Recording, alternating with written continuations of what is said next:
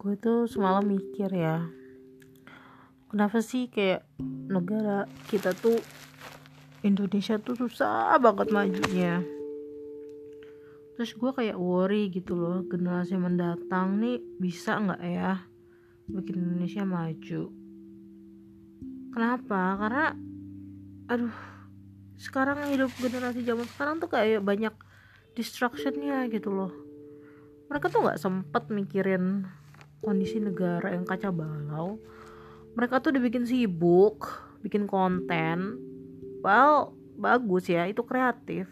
But the thing is mereka tuh kayak terlalu mikirin banget follower lah. Mereka mikirin likes lah. Mereka mikirin komentar netizen gitu loh. Dan gak cuman generasi muda aja yang penuh dengan pikiran-pikiran yang apa ya yang bikin pusing gitu loh gue pun generasi gue yang umur-umur 30-an ini itu nggak sempet mikirin negara why? Karena kita tuh pusing mikirin tuntutan masyarakat tau nggak? Dari pas kita kerja pas kita lagi punya punya uang yang harusnya kita nikmatin kita tuh dituntut buat kita tuh punya rumah punya mobil akhirnya tuntutan itu tuh kayak mau nggak mau jadi kayak sesuatu yang apa ya bikin kita harus gitu loh. Karena kalau kita nggak punya itu kayaknya kita belum jadi apa-apa. Akhirnya bikin beli rumah lah KPR terikat lah cicilan. Lu kalau udah keikat cicilan lu tuh kayak udah di apa ya kayak lu terpenjara tapi penjaranya tuh yang nggak kelihatan gitu apalagi kalau udah nikah tuntutan selanjutnya adalah lo harus punya anak ya. Ini gue baru nikah aja belum 2 tahun orang-orang tuh udah kapan hamil kapan hamil kenapa lo nggak hamil? Gue aja tuh kayak masih enjoy banget sama suami gue sebenarnya. Gue tuh kenal suami gue sebelum nikah tuh kayak cuma 6 bulan. Jadi sebenarnya kita tuh enjoy masa-masa setelah nikah tapi kan tuntutan-tuntutan itu tuh gue sama suami gue kan harus yang promil gitu loh aduh bener-bener deh kayak society give us pressure yang menurut gue berat gitu loh. Dan kalau kita nggak nggak sejalur ya sama apa yang society mau mau gitu ya kita tuh kayak bakal jadi bahan omongan. Kita tuh bakal kayak dianggap melenceng gitu kan. Kayak kasus yang orang nggak mau punya anak ya child free ya istilahnya kalau nggak salah. Maksud gue itu kan sebenarnya hak masing-masing ya. Dan waktu itu gue sempat baca alasan kenapa dia memilih untuk child free. Dan itu sudah kayak persetujuan dua belah pihak dia sama pasangannya. Tapi gue liat komentar-komentar orang itu nyakitin banget sumpah. Kayak yang seolah-olah mereka tuh pendosa gitu loh. Seolah-olah mereka itu me, apa menantang Tuhan. Kayak seolah-olah mereka tuh bukan orang baik hanya gara-gara mereka memutuskan untuk tidak punya anak setelah nikah. Kalau keputusan itu diambil berdua oleh mereka yang sudah sama-sama dewasa gitu ya dan mereka tahu konsekuensinya ya itu hak mereka. Lagi namanya pikiran tuh bisa aja berubah bisa aja besok mereka mau bisa aja nggak mau. Dan lo semua yang udah punya anak kalau lo happy lo punya anak ya udah lagian ya gue tahu nih orang-orang Indonesia nih mikir punya anak apa. Biar hari tuanya ada yang jamin kan. Nggak usah munak deh semua. Biar hari tua ada yang rawat. Itu salah satu pasti tujuan punya anak. Ah mungkin lu nggak punya nggak tahu yang namanya ada investasi. Gitu. Gini gini ya. Ada orang pengen punya anak ada orang nggak punya anak karena mungkin nggak bisa ngerawat. Ya udah nggak usah dijudge macem-macem bleh apaan sih gitu gue baca yang ya lu gak akan mendapatkan kebahagiaan piknik rame-rame sama anak-anak. Ih norak banget lo cuma bisa piknik doang pamer. Lu kalau lu bahagia dengan lu punya piknik ya udah. Lu terus jangan langsung menjudge orang yang gak pernah piknik sama anak-anaknya tuh gak happy. Eh sorry mereka mungkin punya kebahagiaan lain. Orang tuh punya kebahagiaan masing-masing ya. Gue pun nih ya misal gue udah nikah lalu gue ngeliat teman-teman gue yang belum nikah gue nggak mikir kayak ih merana banget loh belum nikah sepian banget lo pasti. Ih pasti lu tidur sedih nangis nangis ih nggak gitu gue juga dulu pernah jomblo lama kali. Sebelum tidur ya gue nonton YouTube happy gue nonton mukbang yang gue suka atau gue masak. Ih banyak kali kegiatan semua tuh aja cuma ada di pikiran lo. Gitu. Emang dari dulu kita tuh dibiasain mikir kayak gini. Kayak apa ya kita tuh kayak seolah-olah dibikin happy dengan kita ngebandingin orang lain yang susah. Ih lu tuh lebih beruntung lihat deh si itu. Dia mah begitu lu bersyukur deh. Si itu mah masih belum punya kayak gitu kan. Ih mau bersyukur bersyukur aja sampai apa yang punya. Lu jangan bersyukur gara-gara lu punya orang lain gak punya. Apaan? Syukurin aja apa yang lu punya. Ribet. Ya ini gue rada emosi ya karena jujur kayak gue juga masih terperangkap dengan oh keinginan-keinginan masyarakat gitu loh. Kayak aduh nanti deh gue jelasin ya terperangkapnya di mananya. Pokoknya intinya gitu makanya gue seneng yang liat orang kayak punya jalannya sendiri gitu jalan yang beda but they're happy. Kalaupun misalnya mereka akhirnya nggak happy terus mereka balik lagi ke jalan society gitu ya maunya masyarakat at least mereka udah coba untuk jadi beda. Gue kayak bertanya sama diri gue sendiri kapan? Gue kapan? Kayak gitu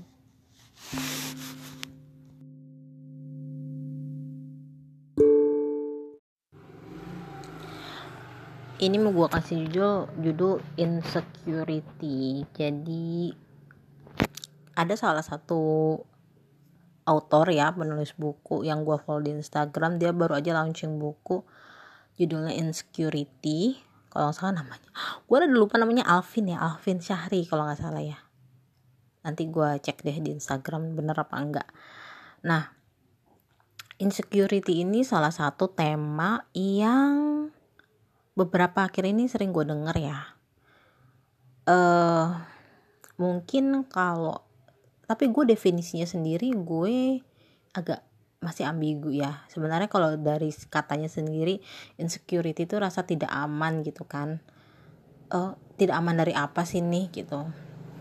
Nah kemarin itu gue sempat ngebuka LinkedIn terus gue ngecek ngecek kayak cuman berselancar ya di LinkedIn. Gue lihat alumni alumni dari kampus gue yang udah jadi orang maksudnya udah menjabat gitu ya. Bahkan ada yang satu angkatan sama gue tuh udah jabatannya tinggi banget di perusahaan yang gede gitu ya. Gue rada salut sih. Gue nggak kenal nih orang personally tapi memang dari zaman kuliah dia udah terdengar namanya yang berprestasi ya kayak mungkin mewakili kampus untuk kegiatan atau pertukaran pelajar gitu. Gue gue sering lah dengar namanya dia. Dan melihat dia di posisi ini gue nggak kaget lagi sebenarnya gitu. Tapi gue di satu sisi kayak kita sama-sama di kampus yang sama. Maksudnya kita punya kesempatan yang sama start yang sama. Walaupun ya gue nggak tahu ya background keluarganya apakah ada privilege atau enggak kalaupun dia ada privilege menurut gue wow dia tetap amazing gitu. Gue ngelihatnya amazing banget. Ya di situ gue ada perasaan nggak nyaman. Uh, ngelihat dia dengan jabatannya ngelihat gue baca bahkan beberapa orang gitu ya kayak kasih review ya tentang pekerjaannya dia. Kayak dia tuh did a very good job kerjaannya tuh bagus banget dan gue liat dia bisa beberapa bahasa. Di situ ada perasaan gak aman gitu. Gue kayak membandingkan padahal nggak mau apa ya gue tahu gue sama dia nggak apple to apple untuk dibandingkan gitu kan. Tapi gue ngerasa kayak langsung ngerasa kecil banget gitu. Gue ngerasa ciut banget dan di situlah gue memahami oh apakah ini yang dinamakan insecurity gitu kan perasaan yang akhirnya gue rasain gitu. Selama ini uh, misalnya gue ngelihat orang nikah gitu ya sebelumnya atau sekarang gue ngeliat teman-teman gue yang udah nikah punya anak nggak ada tuh perasaan kayak ciut nggak ada tuh perasaan kayak karena mungkin itu hal-hal yang di luar kendali gue. Kayak misalnya ketemu jodoh punya anak itu kan kayak uh, urusannya Allah ya walaupun kita boleh berusaha tapi kayak untuk mendapatkan satu pekerjaan menjabat suatu jabatan walaupun memang tentu ada faktor izin Allah ya tapi itu sesuatu yang sebenarnya bisa gue raih gitu loh. Kalau gue berusaha keras kalau gue nggak males kalau gue nggak rebahan tapi gue juga ngerasa kayak tapi gue juga nggak males-males banget tapi gue juga kayak kerja gitu kan. Apa yang membedakan kerja gue sama kerja dia sampai dia bisa seperti itu? Itulah terus-terusan gue kayak me gue sempet kayak merendahkan diri gue gitu ya dalam hati kayak tuh lihat tuh lu lihat tuh teman lo tuh seangkatan tuh sama lu. Umurnya sama. Lu lihat tuh dia udah jadi apa gitu. Dan ketika bahkan diri gue sendiri kayak mencela gue gue bener-bener ngerasa gak nyaman banget ya. Kayak kalau orang lain ngatain gue apa segala macam gue kayak bodo amat lah. Karena ketika ada orang ngatain biasanya gue udah mati misalnya ada ngatain orang ngatain gue jelek gendut gitu ya gue tetap udah mati kayak bodo amat gue ngerasa cantik tuh gitu.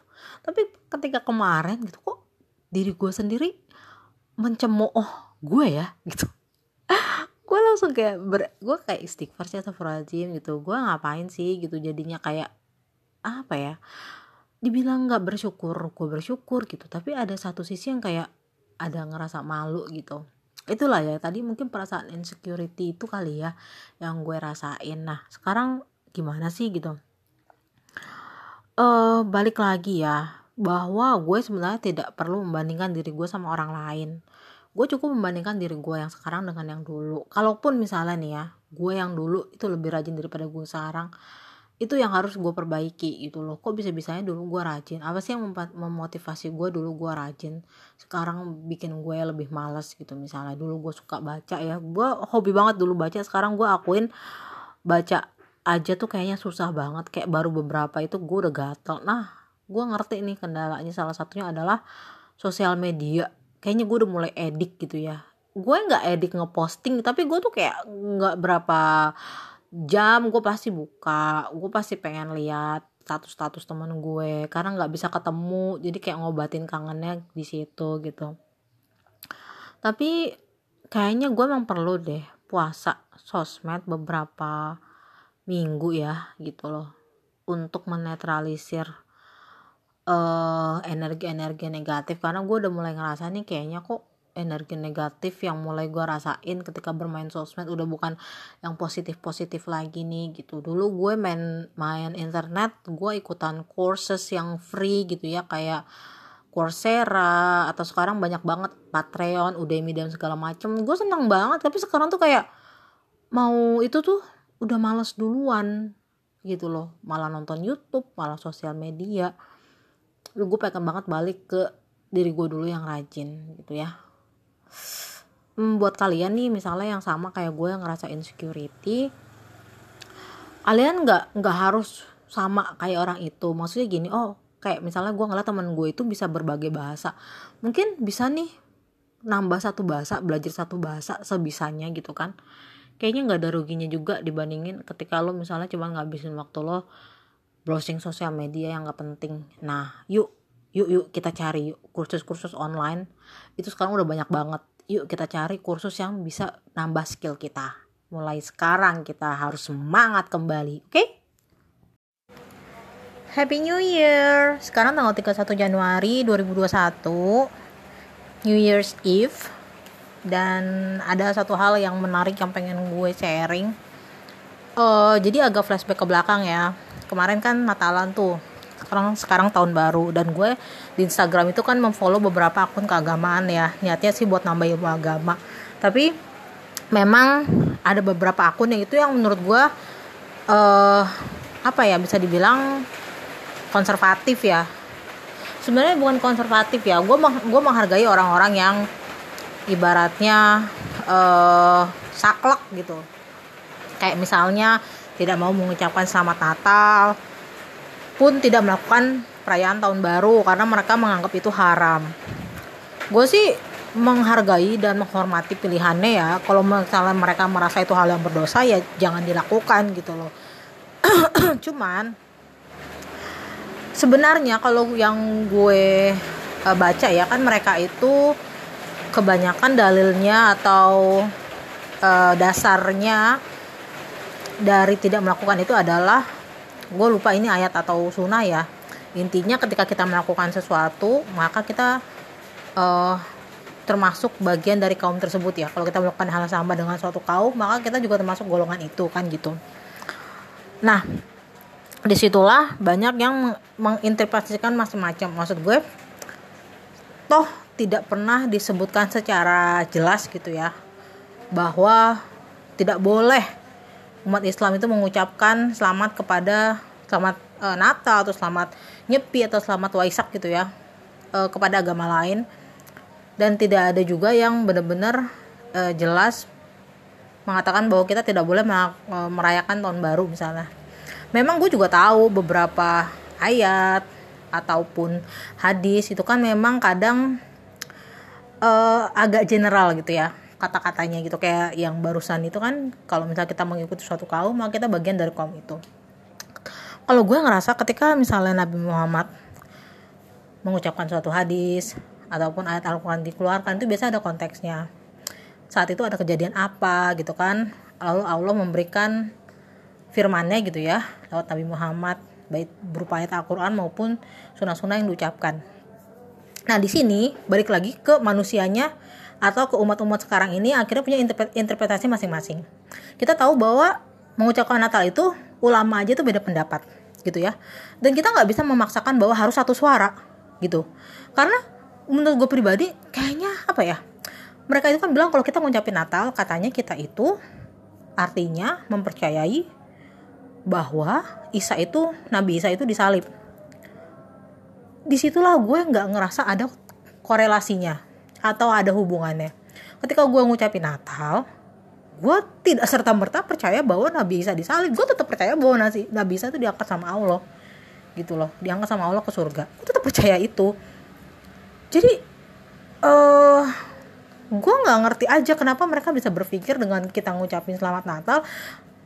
Itu artinya kita percaya. Itu kan pemaksaan ya. Pemikiran yang dipaksakan gitu loh. Lu ngucapin selamat artinya lu percaya well gue enggak gitu loh. Gue nggak percaya. Walaupun gue pribadi ketika uh, hari Natal gue tidak menspesialkan dalam arti gue bikin status gitu ya. Selamat Natal teman-teman. Enggak. Atau misalnya gue menyiapkan uh, eh, WA khusus gitu ya yang gue kirim ke teman-teman gue yang beragama Katolik atau Protestan gitu. Gue juga nggak gitu. Biasanya nih misalnya pas hari Natal kebetulan gue lagi WA sama temen gue yang uh, merayakan gitu ya. Biasanya pun gue WA misalnya hal lain. Nah kebetulan pas hari yang sama itu gue baru eh selamat Natal ya gitu kan. Hanya sebagai bentuk penghormatan menghargai gitu kan. Gitu aja sih gue juga tidak menspesialkan itu. Nah terus kayak malam tahun baru ya. Itu tuh baru banget tadi gue baca kayak balik lagi dengan uh, dalil yang sama gitu kan. Maksud gue gini kita ngerayain tahun baru itu kan kadang kumpul sama keluarga kumpul sama temen gitu ya. Bahkan kadang ada yang doa bersama kan semoga tahun ke depannya lebih baik tapi tetap aja di mata mereka tuh, jelek gitu loh. Di mata mereka kalau misalnya dulu nggak diajarin sama nabi pokoknya haram. Kayak gitu. Hari ibu aja ada yang mempermasalahkan dong. Kayak di Islam nggak ada ya hari ibu. Itu ada loh yang kayak gitu. Di sini maksud gue gini silahkan silahkan untuk tidak merayakan silahkan memilih untuk tidak mengucapkan. Tapi tidak serta merta memberikan kalian hak buat mengkafirkan muslim-muslim lain yang memilih jalan yang berbeda gitu loh. Kalian kan seolah-olah langsung menjudge bahwa seolah-olah muslim yang baik hanya ditentukan apakah dia mengucapkan atau, enggak apakah dia merayakan tahun baru atau enggak apakah dia merayakan ulang tahun atau enggak gitu loh. Biasanya orang-orang eh, kelompok itu seperti itu. Jadi uh, apa ya esensi beragamanya itu menurut gue sangat menyiksa gitu loh. Kadang berargumen sampai berantem.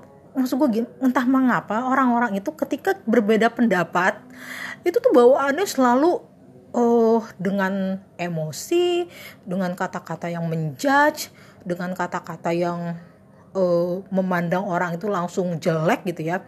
Sedangkan gue ngerasanya orang-orang yang memilih untuk oke okay, uh, eh, gue misalnya tetap merayakan tahun baru gue bertoleransi dengan mengucapkan Natal itu biasanya lebih lebih peace aja sih gitu loh. Kayak ya udah lo kalau nggak mau ngucapin ya udah gitu kan. Gue juga nggak mesti kayak lo ngucapin dah ke teman-teman lo. Uh, dasar lo orang nggak toleransi nggak mau ngucapin. Kan gue juga nggak gitu gitu loh. Tapi mereka biasanya kelompok yang sebelah itu biasanya kalau ada yang mengucapkan tuh langsung kayak ah kafir. Haram tau nggak maksud gue gini perihal ngucapin tahun baru ini itu kan tiap tahun pasti ada gitu kan? Dan memang tiap ulama tuh beda pendapat gitu kan? Tapi mereka tuh masih ngeributin sampai sekarang gitu loh. Kayak nggak nggak suka aja kalau Islam sama uh, agama lain. Maksud gue gini kita tetap harus ya menjaga hubungan baik. Bahkan Nabi Muhammad pun itu banyak memberikan contoh gitu ya bagaimana dia memperlakukan orang yang berbeda agama gitu kalau misalnya mereka tidak memerangi kita, mereka tidak berbuat jahat ke kita, ya kita juga tidak boleh menyerang, kita juga tidak boleh menjahati mereka gitu kan. Kayak gitu.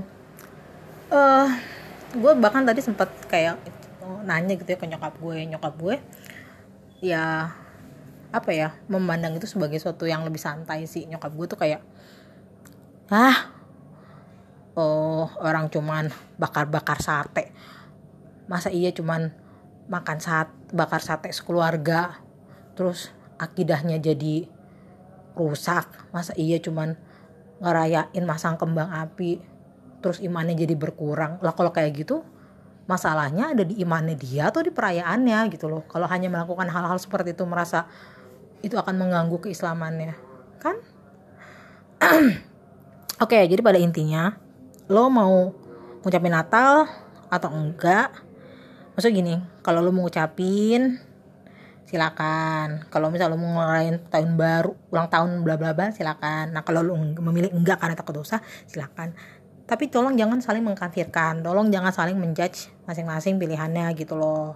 Ya itu itu cuma mau ngingetin. Oke okay, mengingatkan. Terima kasih sudah diingatkan. Tapi kita punya pandangan yang berbeda. Karena kita di sini juga apa ya kayak merasa bahwa itu tidak mengganggu kok ke keimanan kita gitu loh. Itu tidak mengganggu kepercayaan kita bahwa agama Islam tetap agama yang terbaik tetap kita yakini kita tetap beribadah sesuai dengan rukun Islam yang kita percaya gitu ya. Kita tetap sholat gitu kan. Seperti itu ya. Gak usah ribut-ribut lagi lah masalah kayak gini.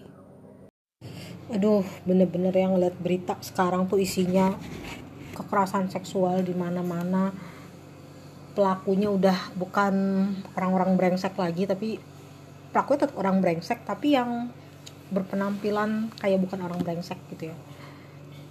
Sedih banget. Kayak nggak bisa berkata-kata lagi.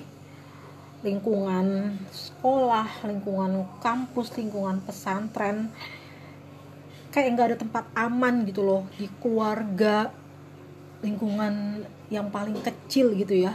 Korban itu banyak yang dilecehkan, diperkosa oleh keluarganya sendiri ya, yang kayak kasus di Padang, oh my god itu kayak bikin gue kesel banget gitu.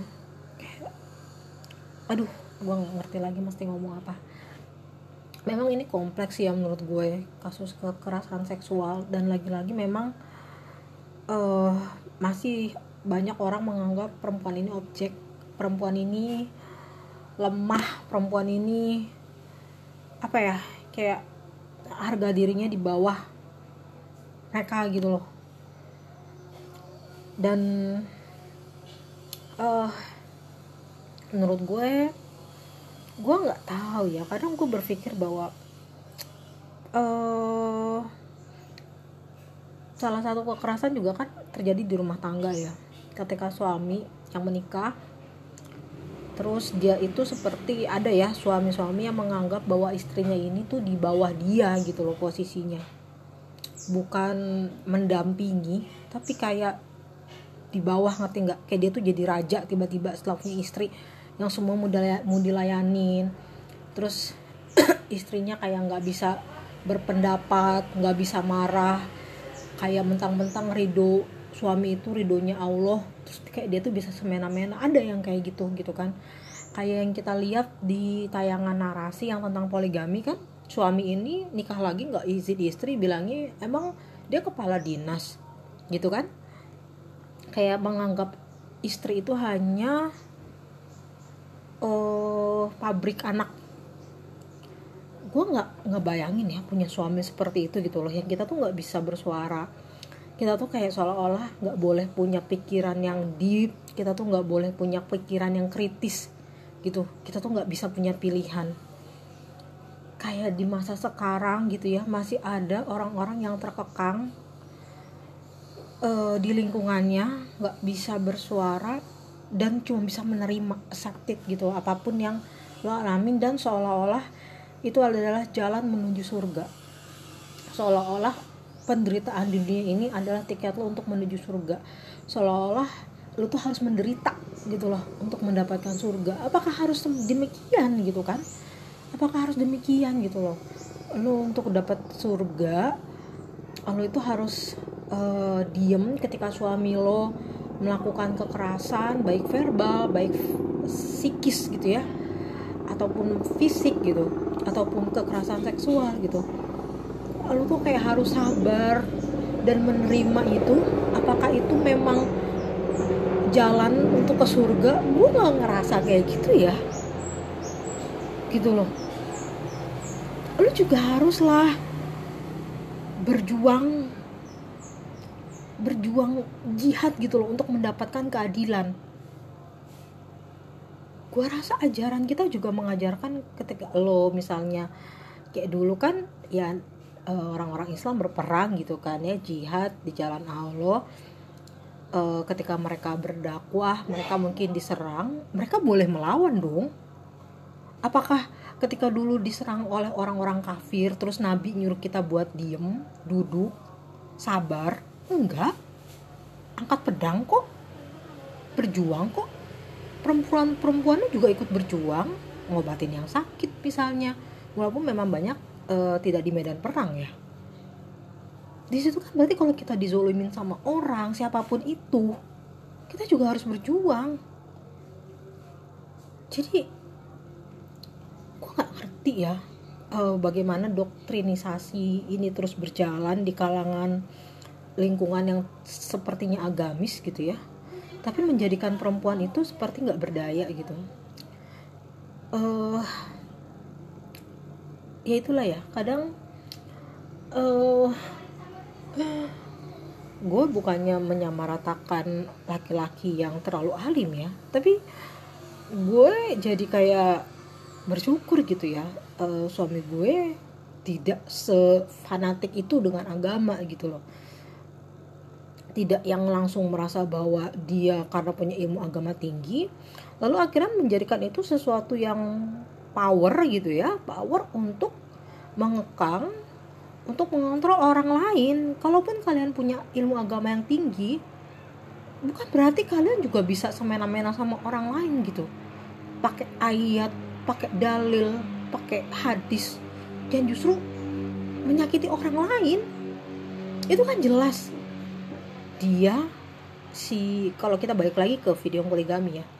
Dia menikah lagi nggak bilang istri itu kan dia menyakiti hati istri. Bilang enggak pernah nanya nggak dia gimana perasaan istrinya? Nggak pernah. Yang dia selalu ulang-ulang adalah gak usah fokus lah sama kelakuan suami fokusnya sama Allah aja. Mau suami kayak gimana? Itu ujian buat kalian. The heck? Gila ya. Gila. Inilah para orang-orang yang menjadikan agama sebagai tameng sebagai uh, apa ya pembelaan gitu ya dari kelakuan-kelakuan mereka yang minus gitu. Dan banyak sekali orang itu orang seperti itu ya. Dan gue yakin hati kecilnya juga gak bisa bohong sih. Dia tahu bahwa dia itu menggunakan agama untuk kepentingannya dia sendiri. Gue yang bisa gue bantu palingan gue sekarang ini nge-share kalau ada berita-berita tentang kekerasan seksual gue share gue nggak peduli sih follower gue peduli apa enggak. Gue cuma pengen share gue cuma pengen uh, setidaknya ada satu dua orang yang baca dan menyadari apa yang sedang terjadi di Indonesia terutama kasus-kasus kekerasan seksual. Gue bener-bener berharap bahwa kasus-kasus ini bisa stop. Dan lucunya nih ya kadang banyak beberapa ustadz gitu ya ustadz-ustadz ternama itu jarang loh mereka mengomentari tentang kekerasan seksual. Mereka tuh kayak diem nggak pernah ada komentar. Kalau pemerintah gimana mereka bersuara. Kalau ada kasus apa mereka bersuara. Tapi kasus kekerasan seksual jarang loh. Ada ustadz yang lantang lantang menyatakan bahwa itu tidak benar gitu kan. Bukan salah perempuannya bukan salah perempuannya pakai baju apa tapi para pria ini nggak bisa menahan nafsu. Padahal jelas-jelas kan harus menundukkan pandangan dong. Ya selalu aja yang disalahin perempuan perempuan perempuan padahal dianya yang otaknya udah rusak gitu loh. Sok sok suci gitu tuh orang-orang kayak gitu tuh. Kesel banget kan? Ah ya udahlah gimana lagi ya semua kasus sudah terlanjur terjadi semoga gue tetap ngerasa ini bakalan jadi kayak gunung es sih. Uh, bakalan masih rame gitu ya tapi nggak apa-apa deh. Yang sekarang fokus ini adalah para korban bisa bersuara daripada misalnya tiba-tiba sepi nggak ada kekerasan tapi ternyata mereka semua kebungkam kan lebih serem lagi ya. Jadi uh, di satu sisi ada bagusnya kasus-kasus ini terus terbuka terus terdengar setiap hari artinya bahwa banyak korban yang akhirnya bersuara gitu loh dan semoga mereka bisa dapat keadilan atas apa yang mereka timpa gitu ya walaupun pasti traumanya itu akan terus mereka bawa sepanjang hidup gitu. Uh, semoga dan satu lagi semoga uh, undang-undang ya terkait kekerasan seksual itu bisa cepet-cepet disahkan supaya ada jelas gitu ya payung hukum untuk uh, para korban. Dan jelas juga kayak hukuman-hukuman buat para tersangkanya ini supaya dapat hukuman yang paling berat